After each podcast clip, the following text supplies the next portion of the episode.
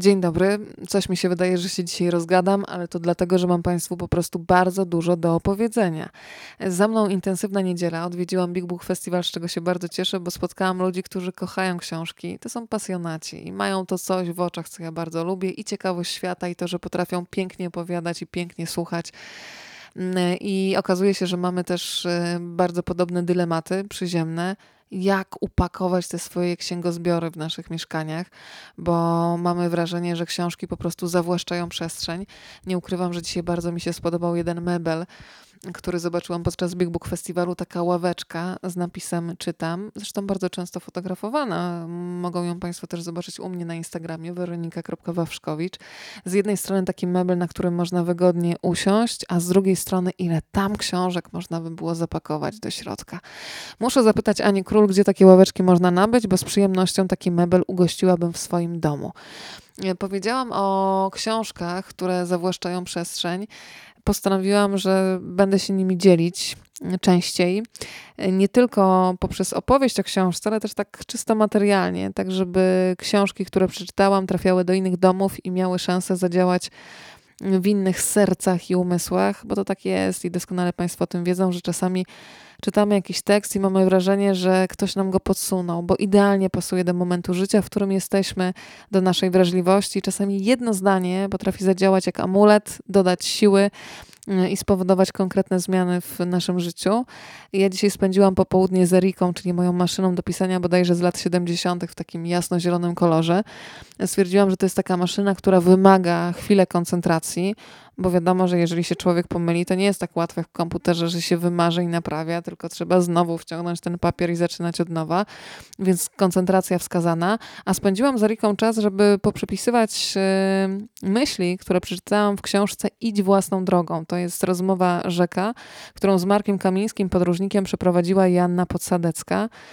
Sporo myśli zostało we mnie. Mm, no i to jest taka książka, którą oddam w inne ręce, do innego domu, ale wiem, że będzie już ze mną na zawsze, bo siedzi głęboko. Z jednej strony śledzimy życie Marka Kamińskiego, podróżnika, zdobywcy biegunów, człowieka, który opowiada nam o swoich wizytach w Meksyku, o spływie kajakowym Wisłą. Idziemy z nim e, do Camino, jesteśmy na biegunach północnym i południowym, ale to, co jest dla mnie najcenniejsze w tej książce, to jest opowieść o takich najważniejszych podróżach, często zresztą odkładanych, bo najzwyczajniej w świecie się ich boimy, o takich podróżach do samego siebie. Marek Kamiński opowiada o takiej sytuacji, kiedy to usłyszał kiedyś o sobie takie zdanie, gdzieś e, z boku do niego to zdanie dotarło, od kogoś.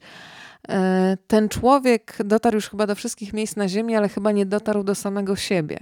E, przyznacie, że to jest takie zdanie, gdybyśmy je usłyszeli na nas temat, to łatwo byłoby się obruszyć, żachnąć.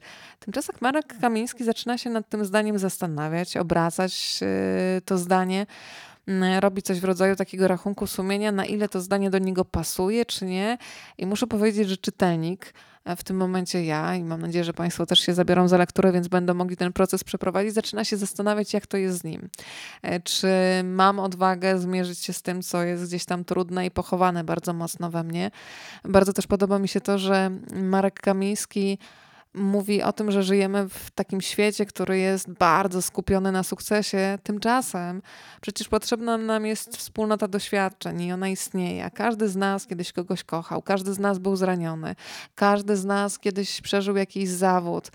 Te trudne momenty też mogłyby i bardzo często jednoczą pod warunkiem, że odważymy się wprost mówić o tym, że to życie to nie jest tylko e, coś, co jest bardzo łatwe, jakieś takie glamour, podrasowane, tylko też rzeczy trudne. I w momencie, kiedy się im otworzy drzwi i wypuści z tych naszych domów gdzieś e, te rzeczy trudne, które są pochowane, to dużo łatwiej zmierzyć się ze strachem, z takimi rzeczami, które nas e, paraliżują.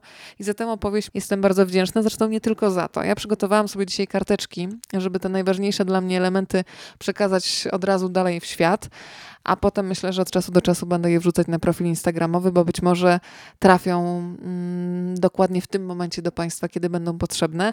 Marek Kamiński zresztą wielokrotnie mówi o tym, że słowa czasami są jak amulety i niejednokrotnie w trudnych sytuacjach to właśnie słowo, które dawało mu nadzieję, było dużo cenniejsze niż taka typowo fizyczna siła. No to przeglądam te karteczki. Pierwsza z nich. Yy, O, bardzo lubię ten fragment. Od dzieciństwa, gdy chciałem coś zrobić, wszyscy mówili, że mi się nie uda. W tamtym czasie czytałem wiele książek, zanurzałem się w świat przygód ich bohaterów.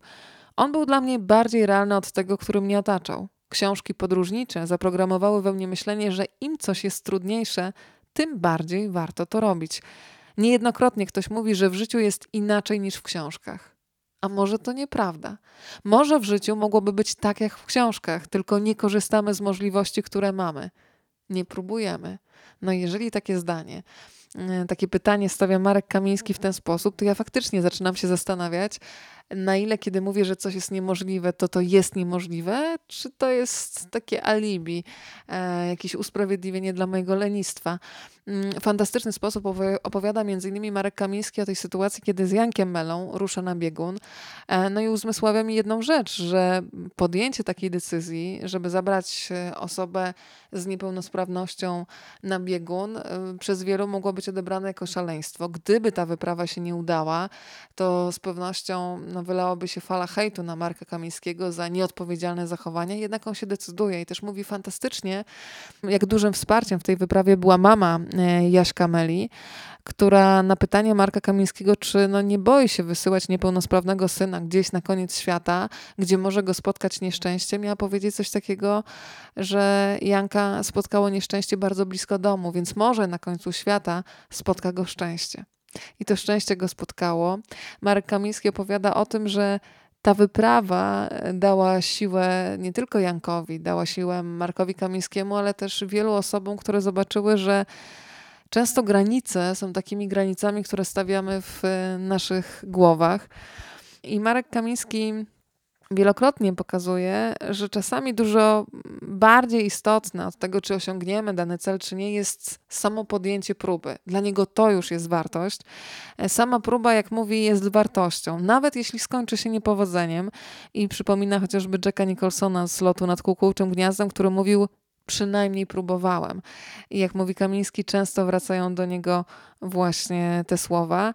E, I dalej mówi tak: warto pomyśleć, że najwyżej coś się nie uda. I to będzie największa kara. Ale o wiele gorzej będzie, jeżeli nie damy sobie prawa do myślenia o czymś, co tkwi w nas jako niezrealizowany potencjał.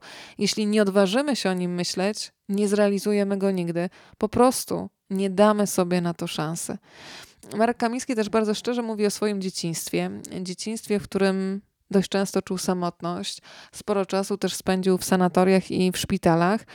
I mówi o tym, że sposobem na problemy okazało się czytanie książek. Często odwiedzał biblioteki i właśnie wtedy zaczął czytać teksty podróżnicze. Najpierw te, które były skierowane dla małych dzieci. Czytał teksty pani Aliny i Czesława Centkiewiczów. Na tej liście lektur dziecięcych także książki Edmunda Niziurskiego i Zbigniewa Nienackiego. I jak opowiada Marek Kamiński, intensywniej żył w tamtym świecie niż na sanatoryjno-szpitalnej jawie. To z książek uczyłem się świata i tego, że o marzenia trzeba walczyć i je realizować. No i też pięknie opowiada o tym, co powoduje, że są tacy jak Marek Kamiński, którzy po prostu podążają za marzeniami, tacy, którzy cały czas tylko mówią o tym, co zrealizują, ale jednak zostają w blokach startowych. I Marek Kamiński mówi o tym, że to, co ludzi hamuje, to jest taki brak wiary we własne siły, przekonanie, że wyzwania są dla wyjątkowych, Tymczasem każdy jest wyjątkowy, każdy może. Trzeba uwierzyć w swoje siły. Ciekawe, że czasem łatwiej przychodzi zaufanie innym ludziom niż sobie. I to też jest takie zdanie, nad którym się zastanawiam, na ile ufam sama sobie, na ile wierzę we własne możliwości, a na ile jest mi łatwiej zaufać komuś, ale też oddać odpowiedzialność za swoje życie komuś. To są takie kolejne wątki, które pojawiają się w głowie. Marek Kamiński też mówi, że kwestia podejścia do świata to jest y, coś, co jest mi bardzo bliskie, o czym kiedyś już Państwu wspominałam, że na przykład optymistyczne spojrzenie na świat, według mnie, to jest bardzo ciężka praca i kwestia codziennie podejmowanej decyzji, że chcę wyławiać z tego świata rzeczy dobre, bo wiem, że to mnie buduje, unikam tego, co gdzieś podcina mi skrzydła, ale tej decyzji nie można, tak mi się wydaje, podjąć raz na zawsze, tylko codziennie trzeba podejmować wysiłek.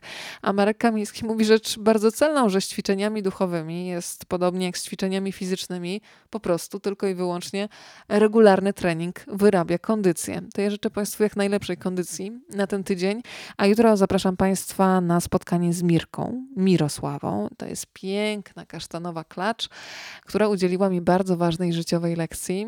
Otóż Mirka nauczyła mnie kiedyś, że czasami warto wyłączyć myślenie, wyłączyć mózg, który potrafi czasami złośliwie generować mnóstwo czarnych scenariuszy. No i kiedy człowiek wyłączy mózg, myślenie zaczyna w końcu czuć, a wtedy dzieją się rzeczy magiczne. To spotkanie z Mirką nie byłoby możliwe, gdyby nie Maja Sobczak, którą Państwo znają m.in. jako autorkę książki Przepisy na szczęście. No to z Mają Sobczak będziemy szukać szczęścia jutro i mam nadzieję, że Państwo będą nam towarzyszyć w tych poszukiwaniach.